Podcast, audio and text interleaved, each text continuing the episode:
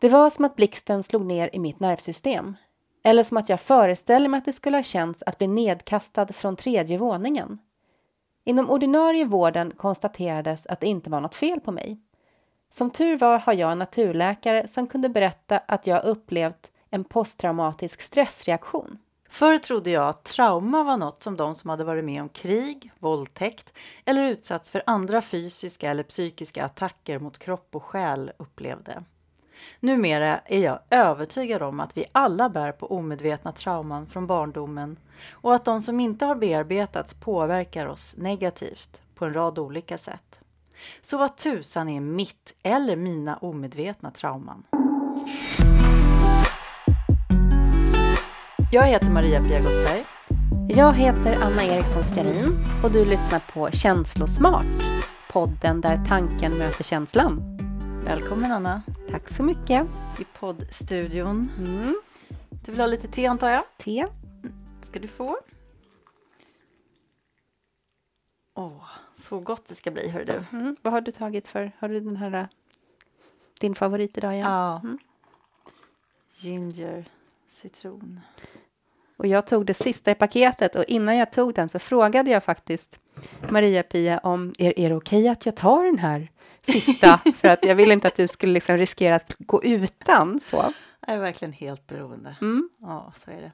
Ja, hur är läget med dig då? Jag är lite förkyld. Men, men idag känner jag mig lite bättre. Eh, för några dagar sedan så kände jag som gud, jag kanske håller på att få influensa. Men eh, det var det inte, utan det var nog bara en vanlig, vanlig liten man cold, tror jag. En man cold? Ja. Aha, okay. Och eh, när vi spelar in det här så är det ju ja, dagarna innan man kliver på någon sorts ledighet om man, om man har tänkt sig det.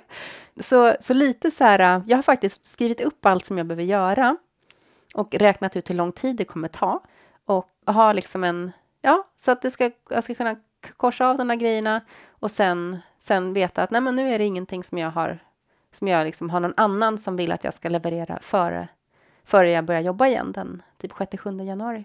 Hur har du det? Jag är också förkyld, men eh, alltså, själva förkylningen är ganska light. Jag är inte så himla snörvlig och sådär, men, ja, men lite lätt ont i huvudet, halsen, näsan och illamående. Alltså den här förkylningen har verkligen satt sig på huvudet och illamåendet. Eh, så därför har jag laddat med lite saker som vi kan äta om jag blir illamående under poddandet här. Nej, det var faktiskt inte därför. Ehm, jag har skurit upp lite frukt, eh, kakifrukt, vad heter det? kakifrukt, apelsin, granatäpple och så lite glutenfria pepparkakor. Det ser ut som så här charonfrukt. Men det ja, men det är, det, de ser ju nästan likadana ja. ut, charon och kakor. Mm. Det är grymt gott, så det är bara att ta för sig. Fantastiskt, tack mm. så jättemycket. Nej, men annars är det bra. Jag, jag har det ganska lugnt nu och jag märker det att ju, ju mindre jag har att göra, ju högre blir den här tröskeln att börja göra det. Och eh, ju mer glömsk verkar jag bli för det lilla jag har att göra. Det är helt sjukt. Det är som, jag tror att jag egentligen har stängt av redan. Det är som att jag, jag fick ju hem min stora dockleverans med, med i fredags här. Eh, stod och lastade dockor hela förmiddagen ur en stor container och sen hela måndagen packa och skicka de här som var förbeställda då. Eh, och så har jag fakturerat det liksom. Och nu känner jag att efter det så var jag, nu var jag klar, nu har jag gjort mitt för i år liksom. Nu vill inte jag göra något, något mer. Och jag har egentligen inte så himla mycket som är så här måste, men du vet de här små sakerna som man skjuter upp när man har mycket att göra, som man ändå så här innan jul och nyårsledigheten, det är himla skönt om det är gjort.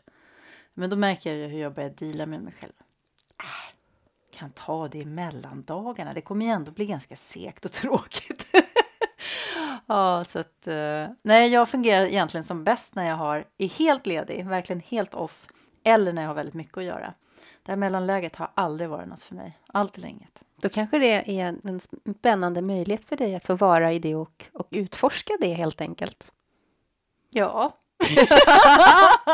ja, men jag, tar, jag, antar utmaningen, det är bra. Och nu är det ju, idag är det, när vi spelar in det här så är det ju faktiskt torsdag Sen är det fredag och sen ska det ju typ vara ledigt. Så att jag har ju en och en halv dag på mig att utforska det här. Då. Ja, men precis. Idag så ska vi prata om det här spännande temat trauma. Vill du inleda med din ingång i det här? Mm. Och det är egentligen ja, jag har ju två ingångar. Eh, dels är det ju liksom någonting som jag har upplevt och sen handlar det om att vi hade tänkt att ta upp det här i våran bok och att, att det blev bortklippt sen då, liksom i, i bokstavligen liksom elfte timmen. Men jag, men jag börjar med det jag var med om. Och det var ungefär, mitt i när vi höll på att skriva den här boken så... Um, oj! Oj, titta, det står kloklipp. Ska jag komma ihåg att jag ska göra. Ja. Sorry. Jättebra. Har du eh, ljudlösat dig? Eller det, det är det här med larm. Att även om man har på ljudlöst och flygplansläge ja, och grejer så, så larmar de ju ändå. Liksom. Nu har jag stängt mm. av det. Mm. Mycket bra. Jo, men jag kan börja från, från en annan riktning, vilket var liksom att under flera år så var det liksom ganska intensivt i mitt liv med väldigt mycket saker som hände. Ehm, från dödsfall i familjen, min man opererades, min son bröt armen, vi hade en förskräcklig upplevelse med det, där ja, han fick gå så här äh, halvgipsad ett par dagar innan vi fick hjälp och sen läkte det inte rätt och så fick han opereras. Och sen hade jag ju min onda axel som blev en frozen shoulder så jag kunde inte sova ordentligt. Sen när, när det började bli bra så fick jag mykoplasma som jag också gick och drog på jätte, jättelänge. Och, och liksom ganska mycket jobb och ja, men vet, familjegrejer på det liksom. Och jag tänker att det tillsammans blev ett, ett sånt tryck så att när jag sen då åkte på en, en yogahelg, en yoga-retreat och körde kundalini-yoga i två dagar så mynnade det ut i att jag vaknade på natten mellan lördagen och söndagen med liksom att pulsen gick i 150 och att den eller jag vaknade väl vid ja, men halv tolv och sen så hade jag puls 150 liksom fram tills fram tills morgonen egentligen Sov Medan liksom du bara... var på retreaten? Ja, mm. precis. Och då, då åkte jag till sjukhuset för jag tänkte att ja, men det kanske hängde ihop med mykoplasman eller ja, någonting sånt. Och, och, och det här är ju inte normalt, tänkte jag, liksom, att man ska ha den här pulsen. På sjukhuset så tog de liksom med ro. Att det de kollade var ju liksom, ja men du har ingen hjärtinfarkt. Och ingen sa liksom någonting om vad det kunde vara. Utan, ehm, ja, nej men det var liksom, nej men du inte, det är ingen, det är ingen fara med dig. Och hem jag hade ju fortfarande liksom en puls som liksom gick upp och ner och, och slog, hjärtat slog väldigt oregelbundet. Framförallt var det liksom när jag andades in så gick pulsen upp väldigt mycket och sen när jag andades ut så, så var det som att han gick ner till halva hastigheten. Eh, jätte, jättemärkligt. Och jag kände mig också liksom svag i kroppen. Men sen några dagar senare så gick jag till vårdcentralen där frågar de ju då, jaha, för jag tänkte ju att ja, men jag måste ju, det är ju någonting som inte är bra med mig, så jag behöver ju, jag behöver gå till läkaren. Och framförallt undrar jag så här, men behöver jag vara sjukskriven? För att det var ju, jag mådde ju inte bra samtidigt som jag inte liksom alls kunde sätta fingret på vad är det som inte stämmer. När jag kom till vanliga vårdcentralen då så så möttes jag liksom med ganska, ja men med så ett, ett överväldigande ointresse och och nästan så där så att liksom stolen lutade lite så att jag skulle liksom gå därifrån så fort som möjligt, mm. var min känsla. För att nej men han, han såg liksom jävligt trött ut på att, att träffa liksom en, en sån som mig. Och i och med att jag inte visste vad som hade hänt så, så hade jag ju sagt, ja men jag vet inte, jag, jag kanske är utmattad. Det var det enda jag kunde liksom tänka mig. Och det han gjorde då var att han ställde ett antal frågor då för att konstatera om jag var utmattad. Och jag var ju inte, hade inga kognitiva besvär. Jag var inte ledsen eller deprimerad jag sov ju dåligt på grund av liksom hjärtrusningarna, men i övrigt sov jag ju inte dåligt. Så att det han gjorde var att konstatera att jag inte var utmattad och så hade jag frågat då, ja, men borde jag vara sjukskriven då med, med det här som har hänt? Och han tittade på mig som, varför skulle du vara sjukskriven? Och han tog inte pulsen, han ställde liksom inga andra frågor eller så. Men någonstans där så kände jag ju också att nej, men här har jag nog inte träffat någon som kan hjälpa mig. Så jag gick därifrån. Någon vecka senare gick jag till min naturläkare som, som hon jobbar mycket med pulsar och tunga och, och sådär. Och hon säger, ja, nej men utifrån din puls så, så skulle jag ju säga att du har, har haft en posttraumatisk stressreaktion. Och eh, det kändes väldigt logiskt. Hon sa också att ett trauma behöver inte vara att man har varit med om en bilolycka eller att någonting väldigt speciellt har hänt. Och det en posttraumatisk stressreaktion behöver heller inte innebära att du har liksom minnesbilder av någonting. För jag ju, var ju liksom jättenöjd och glad i mitt liv och har jättemycket kul på gång och trivs i min relation och med barnen och ja, men det var ja, ingenting att klaga på liksom. så att det var ingenting liksom i nuet som inte stämde och det var heller ingen, ingen situation som dök upp i huvudet. Men det hon menar då är att när vi växer upp och om man då av någon anledning det kan vara att man, att man inte känner sig trygg, att man inte känner sig inkluderad eller att man, ja, att av någon, av någon anledning så, så ligger liksom hotsystemet då och laddar på och där man då inte får en möjlighet att, att sätta ord på det som skrämmer eller, eller det man upplever så, så blir det ju det här det som man då kan kalla för till exempel inkapslade känslor. Och jag tänker att efter de här åren då med sju sorger, åtta bedrövelser, sjukdomar, dålig sömn eh, och så sen då åka på yoga-retreat och göra rotlås i två dagar i rad, att det liksom blev någon sorts explosion. För Att- den att det- som inte vet vad ett rotlås är, hur beskriver du det? Ja, eh, nej men det handlar ju om att man, eh, att man ska trycka energin som man skapar under, under, eh, under övningarna då, att man ska lyfta den energin från, från roten, från liksom, ja, där vi sitter liksom, eh, upp, upp liksom till hjässan. Eh, och det gör man genom att spänna muskler på, på olika sätt. Kombinerat med andning och sånt där. Ja, precis. Så jag tänker att det... För det jag upplevde var liksom att det var någon sorts neurologisk händelse jag hade varit med om. Att nervsystemet blev liksom... Ja, men det var som att hela proppskåpet, du vet, bara var så här ut, utbränt. Mm. Och jag hade, hade, efter det här hände så hade jag så här, ingen som helst tolerans för, för oro. Alltså när, när det hände saker som kunde upplevas oro, roligt. Det var som att alla, allting var liksom i någon sorts hypersensitivitet. Mm. Och det har liksom lagt sig sedan dess. Men, men hur länge höll det tillståndet i sig? Just Den här hypersensitiviteten. Ehm, jag skulle säga att det, som den, den akuta reaktionen var nog faktiskt ungefär sex veckor. Ganska lång tid. Ja.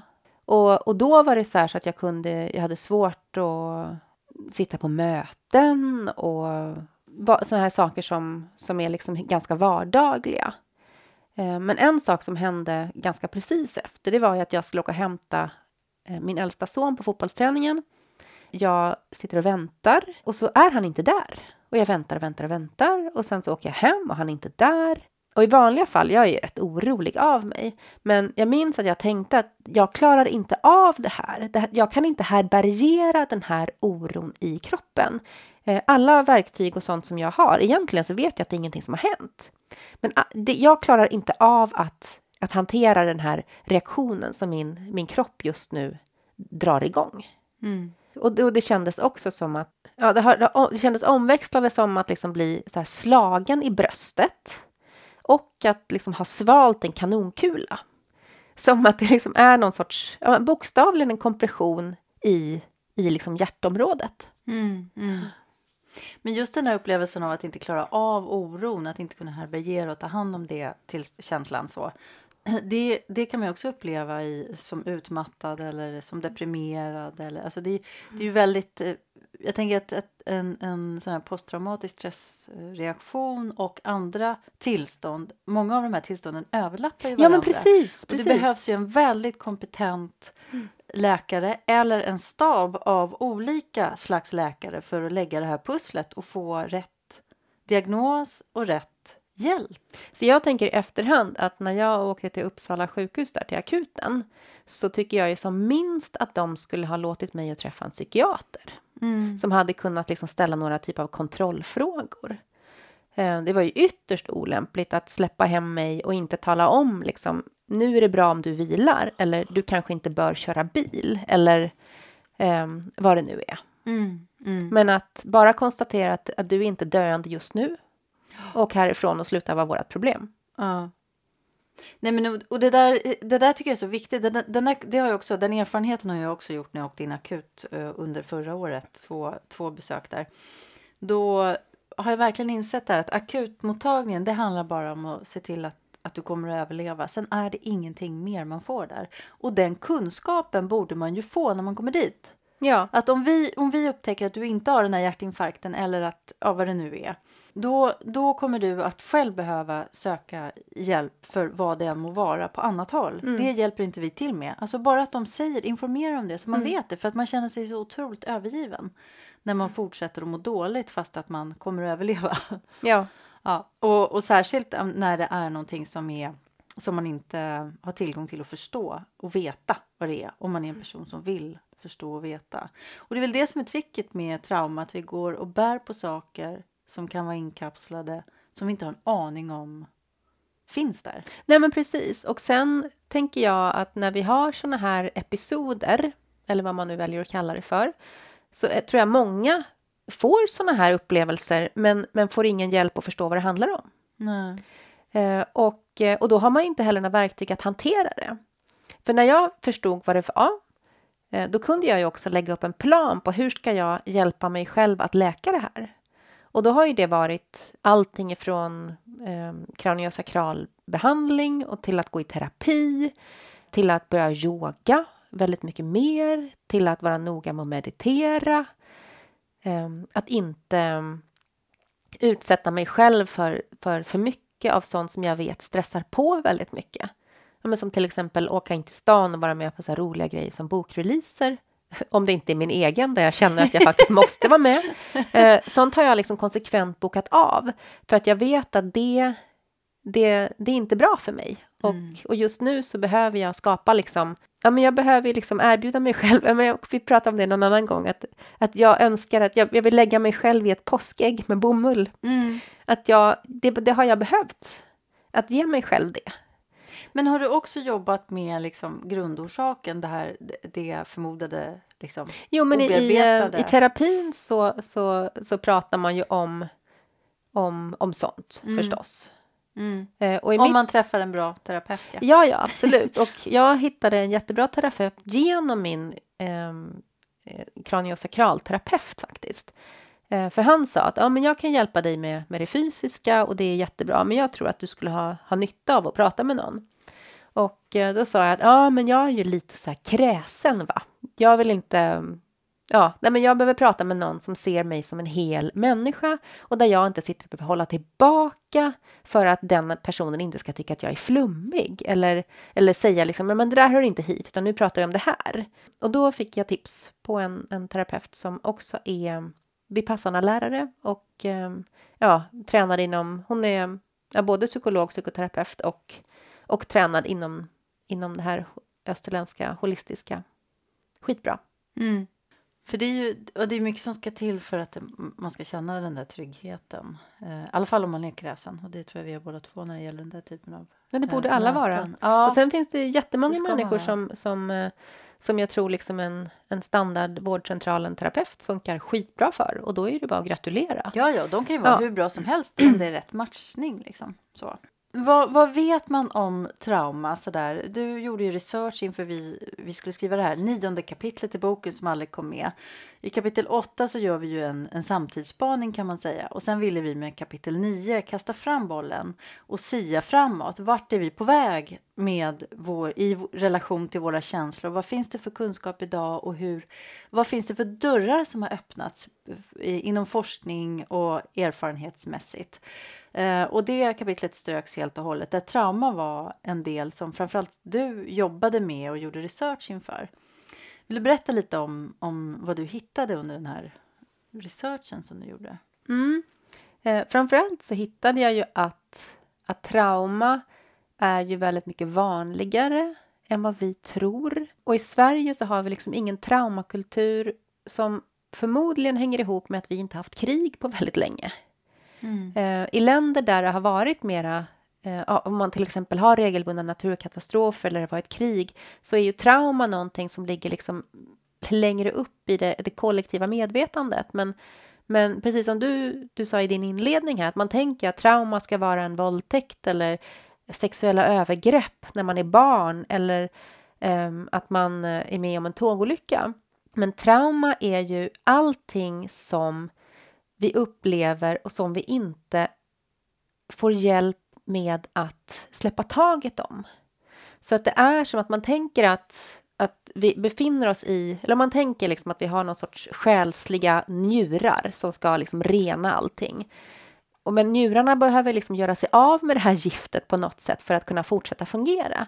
Och jag tänker att det som händer i ett trauma, det är ju att att allt, allt det här som kommer, liksom, det, det silas in i njurarna men sen stannar det liksom kvar där tills det liksom når någon sorts toxicitet. Eh, och där den toxicitet, toxiciteten till slut börjar påverka liksom hela organismen. Så jag tänker att det här med trauma är ju någonting som vi har allihopa. Sen beror ju det på och hur mycket man tar med sig liksom till vuxen ålder beror ju på vad har man fått för verktyg och har man fått för hjälp och har man blivit sedd? Har det varit tryggt för dig att känna de här känslorna eller har du varit tvungen att liksom gömma undan hur du känner? Vad var frågan? Nej, men alltså vad du ja. hittade när du gjorde den här mm. researchen. Mm. Och, och, och, precis det där som, som jag sa i inledningen där också, att jag är helt övertygad om att vi alla bär på trauman och, och att ambitionen med både med känslosmart och, och det vi var och en har jobbat med tidigare är ju verkligen att, att öppna upp för att göra det enklare att prata om om känslor helt enkelt. Mm. För i, i botten så är det det det handlar om. Vi kan inte egentligen undvika att hamna i situationer där vi potentiellt bygger upp ett trauma, mm. tänker jag. Utan, för det är ju att leva ett liv, är ju att hela tiden konfronteras med obehag, med skrämmande saker, med överraskningar och, och ja, både fysiska och psykiska liksom, chocker. Men där vi, och framförallt när vi är riktigt små, så behöver vi, vi, vi kommer ju inte överleva om vi inte har tillgång till vuxna som ser oss och bekräftar oss och hjälper Nej. oss. Och, och jag och tänker att, att Friendly är ju ett verktyg som gör att, alltså det är ju ett, traumaverktyg, ett preventivt mm. traumaverktyg. Verkligen. Som innebär att de barnen då istället för att man liksom går och samlar på sig de här känslorna, att man får en hjälp att liksom känna och sen släppa taget. Mm. Så jag tror att de förskolorna, om man hade kunnat göra en studie, där hade det varit svinkult ju, om de förskolorna där man använder Friendly, där barnen blir liksom kompetenta i att, att jobba med känslor, hur mår de liksom 20-30 år framåt? Mm. Mm. Ja, men det hade ju varit en, en dröm oavsett om det sker i förskolan eller i hemmiljö. Mm. För jag tror också att det är väldigt viktigt att de allra viktigaste, närmaste vuxna, det vill säga som förälder är man ju absolut viktigast. Nu kan en, en eh, jag tror också att ett, eh, en, en någon som arbetar i förskolan kan fånga upp det här och hjälpa till på ett jättebra sätt. Jag tänkte men om mer att en tiden... studie vore lättare att genomföra ja. i en förskolemiljö än i en hemmiljö. Jo, men, absolut, ja. absolut. Mm. Men absolut, det är självklart är det, är det ju de som står, står ja. barnen närmst som men som tur är då, det, är, det är en fördel tänker jag i, i vår kultur där väldigt, väldigt många, inte alla, men väldigt många av oss går i förskolan. Eh, därför att många trauman får vi ju faktiskt till oss i hemmiljön. På grund av en massa olika orsaker. Det behöver inte bero på att, att våra föräldrar är onda och vill oss illa. Men de här omedvetna grejerna som att vi inte ser och finns där när de, ja men säg att de ramlar och slår sig, vi tycker att det är en bagatell eller att, mm. ja men upp och hoppa, det var inte så farligt liksom.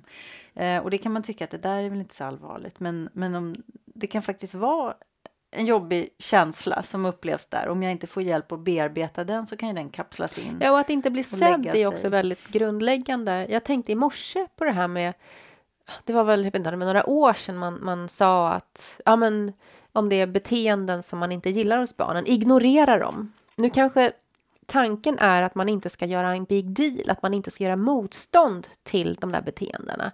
Men om det istället blir att om ett barn uppför sig då vad man inte, om man har ett beteende som man inte gillar, om man då bara du vet, går därifrån eller vänder sig om, ja, alltså ignorerar barnet så tänker jag att det är traumatiserande. Ja, men verkligen. Och det, den positiva intentionen bakom det, det rådet så att säga, var väl att man ju skulle ignorera beteendet men inte barnet. Men att det där är, det är ju jätte jättesvårt ja. att göra skillnad på. Så. Och, och, anledningen var väl att man inte skulle förstärka det som var negativt så att säga. Men sen har det där som, som i alla sådana här smarta tips till ja. föräldrar eller pedagoger eller vad det är, så är det så himla komplext och då kan det väldigt lätt missbrukas och bli ett verktyg som faktiskt skapar trauman. Och, ja. Så att ja, absolut. Och det tror jag är jätte, jätteviktigt när man generellt sett eh, lyssnar på en metod eller lär sig en teknik som förälder eller som pedagog. Att man, att mm. man vet vad man håller på med. Så att man aldrig riskerar att göra just det Nej, där. men precis, att man förstår att, att allting sker ju i en kontext och att det, att det är att ett verktyg kan aldrig liksom lyftas ur och, och användas till vad som helst om man tänker att det funkar liksom likadant. Jag lyssnar ju på Sissela Nattlis bok Eh, distraherad och så heter det något mer, men Distraherad räcker om man söker på om man vill till exempel lyssna på den på Storytel. Eh, och där pratar ju hon om hur, ehm, hur, hur barn, hur små barn då påverkas av att föräldrarna använder mobilen i, i, i närheten av dem. Och att barnen blir mindre benägna att utforska och att hela deras fokus hamnar på liksom att försöka få sin förälders uppmärksamhet. Och för, för barn så är det här, eller för alla människor, men kanske framförallt för små barn, så handlar det om att, att vara liksom att finnas på radarn för de människor som, som säkrar vår överlevnad. Mm. Så utan att liksom skamma varken mig själv eller någon annan eller, eller, så, så, så är det här med att inte visa uppmärksamhet väldigt, väldigt centralt. Eh, och för mig tror jag mycket, mycket av mitt trauma handlar om det. Att ja, men jag har inte känt att jag har liksom blivit sedd. Och mycket av mina så här, knäppa beteenden har liksom handlat om att, att jag har försökt att tänka att om det här händer eller om jag gör så här, ja då blir jag nog sedd. Just det, och då kommer jag ju osökt att tänka på självmedkänsla som ju faktiskt är en möjlighet att, att liksom reparera mm. skadan hos sig själv om man nu inte kan få det hos någon annan, vilket ju också är jätteviktigt. Men om man upplever att jag kan inte få det just nu när jag behöver det eller steget är för långt för mig att be om hjälp, att be om att bli sedd och bekräftad så kan man ju faktiskt använda sig av självmedkänsla som metod där mm. man faktiskt ger sig själv den stöttande, ja, kärleksfulla närvaron och vänskapen på insidan mm. som man hade behövt. Och då kan man ju gå tillbaka i tiden mentalt och göra det. Eller man kan göra det här och nu om det händer någonting. Om du skulle säga någonting som jag kände, oh, gud varför, varför sa hon så nu? Och så börjar man liksom mm. må dåligt på insidan. ja, men det är jag... ju jättebra. Och, och, just att kombinera det med, med um, ja, kanske någon ja, visualiseringsövning där man faktiskt går tillbaka. Superbra, det ska jag, det ska ja, jag ta med för det, det, har jag jobbat med just när det gäller självmedkänsla. Att, att som, när jag liksom lärde mig metoden så. Sen så kom det ganska automatiskt upp situationer ifrån framförallt eh, yngre barndomen sådär. Eh, men också tonåren när jag kände mig eh, ja, men förfördelad eller utanför eller missförstådd, kränkt, alltså you name it. Mm. Det finns ju massa olika upplevelser liksom under ett liv. Och då blev det så att jag såg mig själv i den här åldern.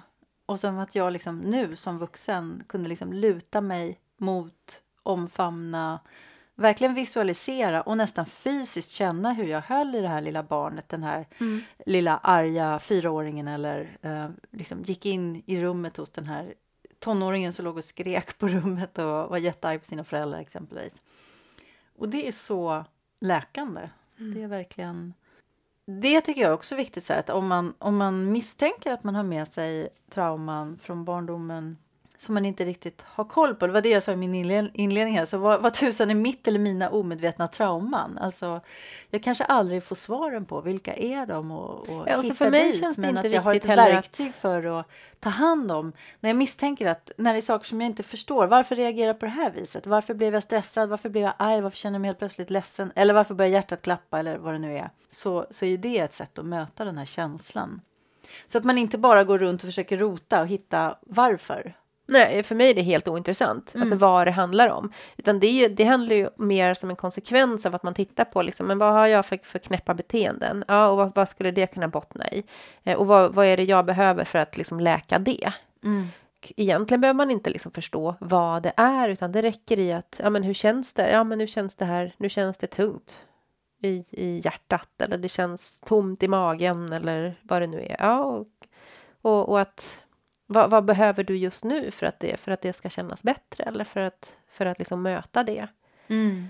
Um, så jag tror ju stenhårt på det här med liksom verktyg som handlar om att, att komma åt grundorsaken. Vi är ju väldigt så här heta på KBT um, inom, inom vården så och där jag gick in någon sorts KBT för några år sedan, ganska många år sedan när jag hade två vänner som dog inom loppet av ett halvår. Det var en, en eh, person som dog i cancer och sen en som dog i en bilolycka. Och båda två hade barn som var ungefär i mina barns ålder och de var nästan precis lika gamla som jag. Och för mig var det liksom chockartat att få det gå till så här. Får människor som har barn dö? Mm. Det tyckte jag borde ha varit förbjudet. Och det, det slog mig i en sån, med en sån jättekraft att jag blev så livrädd för att dö. Och, och, det var på något vis som att jag var, hur gör man för att överleva? Alltså det, det, det verkar som att man bara kan dö, liksom bara man går utanför dörren. Eller det kändes så osannolikt att, att kunna vara överlevande när det här hade hänt. Och jag, och jag förstod liksom att det här är inte liksom normalt och, och jag reagerar ju mer än vad jag borde göra här. Och då föreslog, då föreslog läkaren ångestdämpande. Eh, men det tyckte jag var en dålig idé och då fick jag gå i, i KBT istället. Och eh, det var ju en jättebra terapeut, men i efterhand så inser jag ju att hade jag istället fått hjälp att titta på liksom, vad var det som skapade den här våldsamma dödsångesten hos mig och, och att få hjälp att möta det istället. Istället för att få strategier för att tala om för mig själv varför det sättet jag kände var orimligt eller varför jag inte hade någon anledning. KBT är fantastiskt i massa avseenden, det är jag säker på, men för den som egentligen hade behövt psykodynamisk terapi så tror jag att KBT egentligen är att man plåstrar över liksom ett sår som är infekterat. Mm. Och det tror jag hände med mig där. Det var ju Mm. jätteskönt liksom att få ett plåster. Och, det går fungerar- snabbt, det är Ja. väldigt effektivt och det är därför det, det är det som rekommenderas. För Mm. att det, det sänker kostnaderna. Men jag hade behövt få spola ur liksom Mm. såret lite mer. Mm. Ja, och, ja, visst. Och jag tänker också att eh, KBT kan vara en början för, att- för att komma upp på en nivå men att man sen kanske vill gå vidare med en annan inriktning och få... Ja, men det förutsätter ju också att man förstår att du kanske skulle ha nytta av. eller, Nej, ja. men verkligen. Ehm, Och, och den hjälpen kanske man kunde lägga in som ett önskemål Ja. till vården också. Att, att få mer information om olika vägar som finns faktiskt. För det Ja. tycker jag inte att man får. Nej, nej, verkligen inte. Utan det är KBT eller medicinering. Ja, och jag känner ju så här, jag har ju haft en jävla tur som både är ja, men hyfsat insatt och resursstark. Jag har råd att, att betala för privata terapeuter. Det har inte folk Mm. alltid. Nej. Oavsett om man väljer att, ja, men för mig har det varit att ja, men jag har valt att shoppa mindre och jag har styrt om ja, sparande och, och, och konsumtion egentligen till, till, till hjälp Mm. för att må bättre. Mm. Eh, Men om man, inte, om man inte har sparande och redan konsumerar på ett minimum så är man liksom då sitter man i knät på de här människorna som tittar på det bara så här helt jävla blankt och bara du är inte sjuk. Mm. Eller vad, vad det nu är. Liksom. Du, Mm. du, det, finns, det finns ingen hjälp för dig att få. Och egentligen har man bara träffat en, en, en yrkesperson som liksom inte är nyfiken. Mm. Eller som du säger, som, som inte orkar träffa en till sån som jag som du sa Ja. inledningsvis där. Och det, och det kan man ju också ha en viss respekt för liksom. Eh, En förståelse men inte respekt. nej jag. men ja, kanske snarare förståelse Ja. än respekt. Ja men det har du rätt Och då i. kanske man borde byta jobb, tänker jag, en stund. Ja, och eh, strukturera om vården. Vi Ja. har mycket jobb att göra här känner Ja. jag inom känslosmart. känslosmart vård, det är väl ett spännande tema. Men jag tänkte så här, eh, när det gäller trauman, så det, det ska ju, när vi spelar in det här så ska det ju snart bli jul. Har du något jultrauma, Anna? Något jultrauma. Som du vill dela med dig av? Jag Alltså, utgår ifrån att jag, alla människor har eh, något slags jultrauma nämligen. Jag hade ju helst inte firat jul alls faktiskt. Eller jag tycker att det är helt okej som vi har det nu. Det är till och med lite trevligt. Det skulle jag inte vilja vara utan. Men hade det varit så här att man hade kunnat säga så här, "Ah, men vet ni vad, julen, den är så jävla hårt belastad, så mycket, ah, så mycket tjafs liksom. Vi gör så här, vi, vi, vi, vi skrotar julen och så hittar vi på en ny högtid som vi kan fira istället. Vad sägs? Och så behöver vi inte lägga den så här mitt i fucking vintern när det är så tråkigt. Utan vi, ja, vad vet jag. Nej men, ehm, Du hade inte gråtit om någon hade sagt så. nej. Nej. nej. Och det är inte så, att jag säger så här, ja snart är det jul och äntligen jul och ska man få julpynta, vad mysigt och nu vi ska åka in och kolla julskyltningen på NK. Och hade det varit nå- hade jag haft en vanlig arbetsplats och där det varit så här roligaste jultröjan. Nej, jag hade inte deltagit i det. De hade fått ha sina jävla tröjor med, med glitter och, och renhorn på liksom själva. Gör folk sånt på arbetsplatsen? Ja, det gör de. Det har jag sett på Facebook. Okej, ja, ja, ja. Ja. Inte på arbetsplatser och jag är knappt ens på Facebook. Så att, ja, men du Jag hade ju faktiskt kunnat mycket. säga, men Maria Pia, och du, du har ju faktiskt på dig en sån tröja just nu. Vad sitter du och så här bara ljuger? Jag sitter i min tunna tunika. Säger hon ja. har du någon jultrauma? Ja, det har jag faktiskt. Ja. Ehm, men det, det, det, jag kan inte berätta om det tar för lång tid.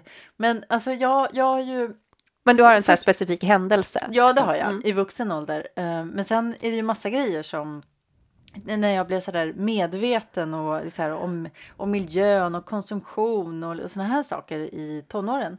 Då var i övre tonåren så bestämde jag mig och min bästa kompis för att vi skulle inte fira jul med våra familjer. För att det där var ju trams att hålla på och köpa massa julklappar som man skulle liksom mm. tvingas på och tvinga på någon annan. Och hela balletten skulle bara eh, bort med den.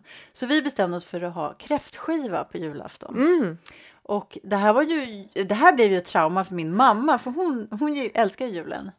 Eller gjorde i alla fall då. Och um, det blev jättejobbigt för henne. Och jag bara så här, nej, köp inga julklappar till mig. De åkte iväg och firade med släkten hos mormor och morfar tror jag. Och jag och min kompis satt och åt kräftor. Gammal var du sa du? Jag tror att vi var 90, 18 ja. eller 19. Mm.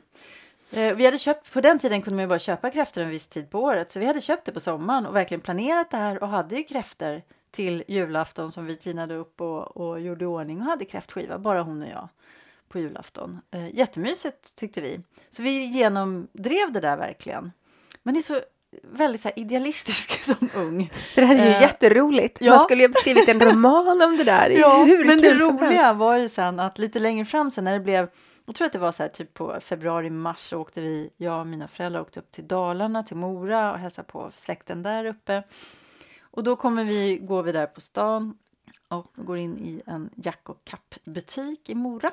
Och då hittade jag en kappa som var väldigt snygg. Och eh, då erbjöd sig min mamma att köpa den där till mig. Jag arbetade ju på den här tiden, hade egen ekonomi ja. liksom. Eh, eh, och sen efteråt så sa hon God jul! så att hon fick ge mig en julklapp i alla fall. Skrattar bäst som skrattar. Det var ju helt ja, underbart. Heja då, din mamma. Ja, men då kunde jag liksom ta, ta det för att jag ville verkligen ha den där kappan och den var ju lite för dyr för min då ungdomsekonomi. Så att, det där var ju jätte, ja, jätteroligt. Ja, men rätt skönt faktiskt. Och jag fattar ju nu, sen liksom jag själv fick barn så och ja. sen när jag fick två barn, jag fattar grejen med att man vill att det ska vara rättvist. Liksom, ja. så. så att, ja. Nej, men jag har haft ett kluvet och har ett kluvet relation till jul. Ja. Jag hade ju chansen att jultraumatisera min lilla Kalle Aha. här i jul. Okay. Olle fick en elgitarr här i december och det fick han ju då som, som julklapp. Och Kalle tidigare i höst, han råkade tappa sin saxofon i golvet. Och när jag hämtade den då hos reparatören här för ett par dagar sedan, det gick ju loss på 3000 spänn. Så jag tänkte så här, jag skulle ju faktiskt kunna slå in eh, saxofonen och säga God Jul! Vad hade Kalle sagt då? Ja, han hade inte blivit nöjd. Nej. Alltså jag skojade lite, lite ja. om det, men ja. det, nej, det hade, det hade nog blivit ett jultrauma. Den där gången som jag fick liksom min saxofon reparerad i julklapp. Ja, den där ja. stackars reparatören, han, och jag förstår ju att de har inte tagit några överpriser, det var jättemycket att fixa, liksom, mm. hade landat jätteolyckligt. Så han tittade på mig och sa, ja, ni, ni, har, ni har väl försäkring? Och, ja, så han, han tyckte synd om mig som ja. fick betala så mycket för, för det där. Men då, då, då hade jag kunnat säga, du ska bara veta vad terapi kostar. Ja, precis! 3000, det är ingenting. Precis, det, är ingenting. det hostar jag iväg på ett par tillfällen liksom. Ja, men så är det ju. Ja. Nej, men apropå det där, jag har väldigt eh, otraumatiserat för, förhållande just till saker som går sönder eller ja. försvinner eller sådär. Det är inte kul, men jag kan inte riktigt gå igång på det. Nej. Men däremot när det blir något sånt här emotionellt, relationellt, då blir det väldigt lätt ett trauma för mig. Liksom. Och min man är ju precis tvärtom. Mm. Eller i alla, fall, ja, i alla fall när det gäller saker. Och det är väldigt, väldigt traumatiserande för honom. Och då tänker jag så här att det är olika saker som triggar olika känslor eh, hos olika människor också. Och därför kan man heller aldrig riktigt veta vad är det jag säger och gör som skapar ett potentiellt trauma i någon annan. Precis, det kanske räcker att gå in med skorna hemma hos någon så, ja, så ligger ja, de visst. i fosterställning sen. Ja, men det är ju skitjobbigt att liksom leva med det, med den tanken. Så att, eh, framförallt när det gäller våra barn förstås. Men det var ju bra att Kalle kanske ändå får någonting annat i julklapp då. Mm. Ha, ska du, efter det här så ville du eh, bjussa på någonting. Ska du berätta om det? Ja, eh, vi fick ju det här kapitlet bortklippt. Och det, men det är ju inte så att det har liksom försvunnit, utan det finns ju kvar. Och det är ja, några av de sakerna som jag tycker var liksom det bästa från boken som blev bortklippt, eller det bästa av det jag bidrog med. Eh, så att efter den här jingeltrudelutten så kommer jag få vara ljudboksinläsare av eh, några stycken här. Så att du som är nyfiken på att lyssna på lite mer om trauma eh, häng kvar efter trudelutten så, så, så, så läser jag det helt enkelt. Åh, vad mm. spännande. Mm. Jag kommer hänga kvar för att jag har faktiskt inte läst det där på länge. Jag vet att det var väldigt, väldigt bra. Så spännande. Men vi ska ju träffas snart igen och podda vidare. Då blir det liksom årets sista avsnitt. Vad, vad ska vi göra då? Då tycker jag att vi pratar om ja, men det här som, som man inte vill ta med sig det nya året. Eh, jag hade ju ehm, jag skulle skriva ett inlägg på LinkedIn om vad jag har lärt mig under året. Och så blev det istället att jag började tänka på alla saker som jag är så jävla arg på. Ja, men som till exempel att kapitel 9 blev bortklippt och ja, men att jag kände mig överkörd i det och ja, men blev ledsen så. Och jag kunde inte komma på no några saker jag hade lärt mig alls, utan det var bara så en, en, en skottkärra full med så här bara bitterhet och ilska. Och så kan man ju inte ha det. Nej, så, så jag tänkte det blir ett terapiavsnitt Ja, ehm. men du kommer dela med dig hur du hanterade det här kanske? Ja, det får vi se. Det får vi ja. se, den som lyssnar får se. Ja, men då fyller jag på med ja, men lite tips och knep för hur jag brukar göra för att fylla på inför nästa år så att jag går in i det med liksom, för mig rätt typ av energi och liksom, möjliggör det som jag vill skapa med det nya året. Superbra, så lite, lite storstädning och sen en liten shoppingtur på vad man önskar sig för nästa. Liksom. Ja. Mm, det blir svinbra. Ja, ses sen. Det gör vi. Hej då! Hej!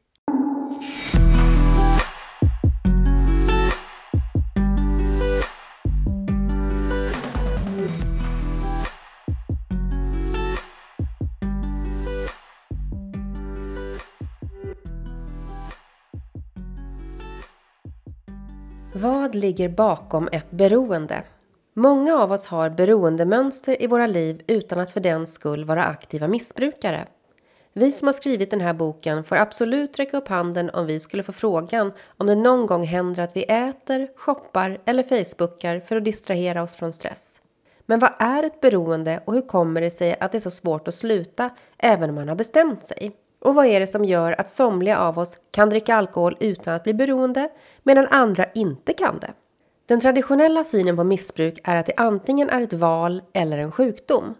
Den kanadensiska läkaren och beroendeexperten Gabor Maté, som arbetat med tunga missbrukare i många år, menar att missbruk är en strategi för att få njutning eller slippa lidande och som får negativa konsekvenser för oss. Här är känslor förstås en vanlig orsak till lidande.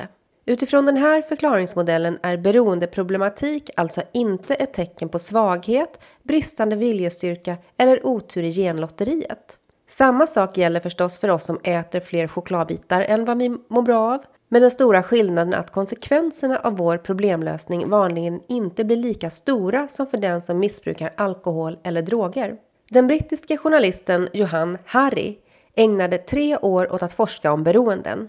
Slutsatsen han landade i är att motsatsen till beroende inte är nykterhet utan att det i själva verket är connection anknytning eller en känsla av att höra samman. Beroende handlar inte bara om att söka njutning utan bottnar i individens oförmåga att knyta an till andra människor på ett sunt sätt. Beroende och missbruk är inte ett problem som börjar och slutar med kemi i individens hjärna utan är också ett samhällsproblem.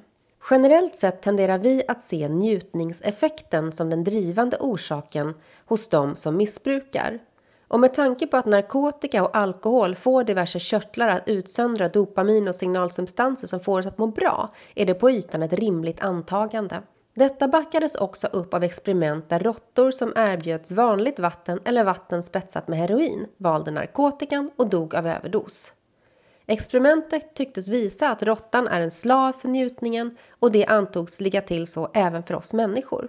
Tillspetsat skulle man kunna säga att experimentet tycktes visa att om vi får chansen att vältra oss i något som skakar fram en berusande cocktail i våra hjärnor så är det bara av de av oss som har tillräckligt stark karaktär som kommer kunna att låta bli.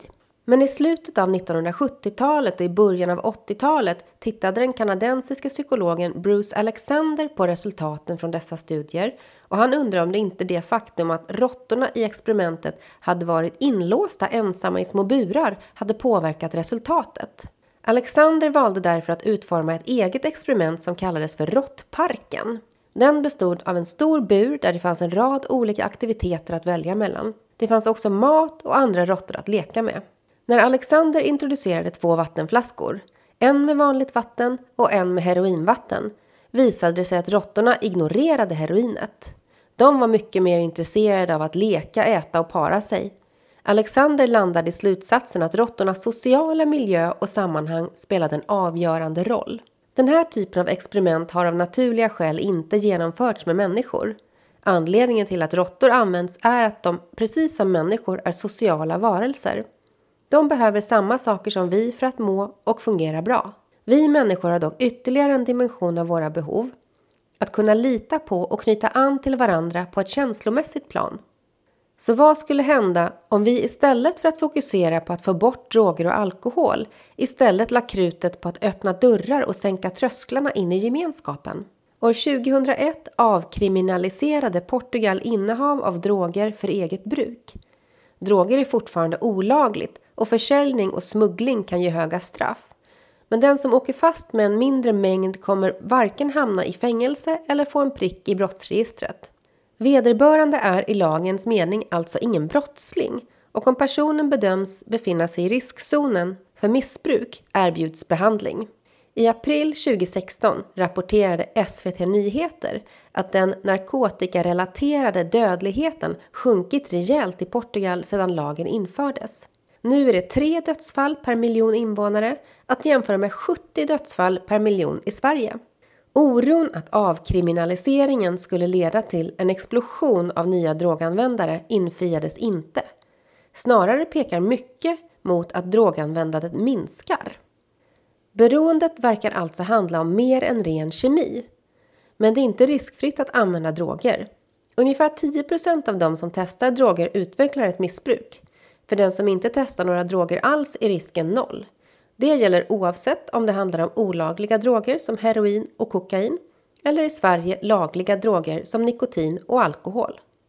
Vi landar i insikten att en trygg gemenskap är mer verksamt än förbud och det finns inte på kartan att svartmåla människor som fastnat i missbruk. Stress idag kan handla om trauma från igår. Läkaren och beroendeexperten Gabor Maté arbetade under många år med tunga missbrukare i Toronto.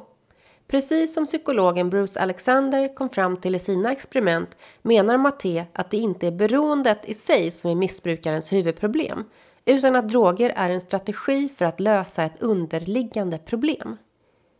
Maté noterade att gemensamt för alla han träffade som var fast i tungt missbruk var att de hade ett trauma med sig från barndomen som exempelvis sexuella övergrepp eller att ha blivit övergiven av en förälder. Även trauman av mindre allvarlig karaktär kan lämna känslomässiga spår och det finns två olika typer av trauman. Dels trauman som uppstår som en reaktion på en enskild händelse som exempelvis ett övergrepp eller en olycka. Dels trauman som uppstår som ett resultat av långvariga upprepade trauman. Det kan vara mobbing, eller att leva med en anhörig som missbrukar eller en obearbetad förlust. Tre faktorer avgör om en händelse eller flera händelser upplevs som traumatiserande. Att vi inte kan ta oss därifrån, exempelvis ett barn som inte klarar sig på egen hand. Att det innebär någon typ av personlig förlust, som exempelvis av en vän eller vår försörjning. Om vi riskerar att bli traumatiserade påverkas också av hur motståndskraftiga vi är vid det aktuella tillfället. Befinner vi oss i ett tryggt sammanhang eller känner vi oss ensamma? När vi upplever en traumatisk händelse eller posttraumatisk stress svarar kroppen med att aktivera hotsystemet. En posttraumatisk stressreaktion uppkommer inte i samband med själva traumat utan kan dyka upp långt senare. Lever vi med stress under lång tid riskerar det att få konsekvenser såväl emotionellt som fysiologiskt. Vi kanske ställer oss utanför gemenskapen eller så lägger kroppen allt mindre av sina resurser på att exempelvis smälta mat eller att fightas med virus. Gabor Maté menar att om vi växer upp i en miljö där vi ständigt upplever att vi inte är bra nog så kommer vi ägna resten av livet åt att försöka bevisa att vi faktiskt är det. Vi tycker att det är ett både angeläget och relevant exempel i en tid där allt fler av oss blir sjuka av stress. Ett trauma tidigare i livet kan leda till att vi i en större utsträckning riskerar att ta på oss för mycket på jobbet och alltid är den som räcker upp handen när frågan om vem som ska bli klassförälder kommer upp. Stressen kan leda till att kroppen till slut säger nej eftersom vår självbild hindrar oss från att sätta gränser och leva mer balanserat.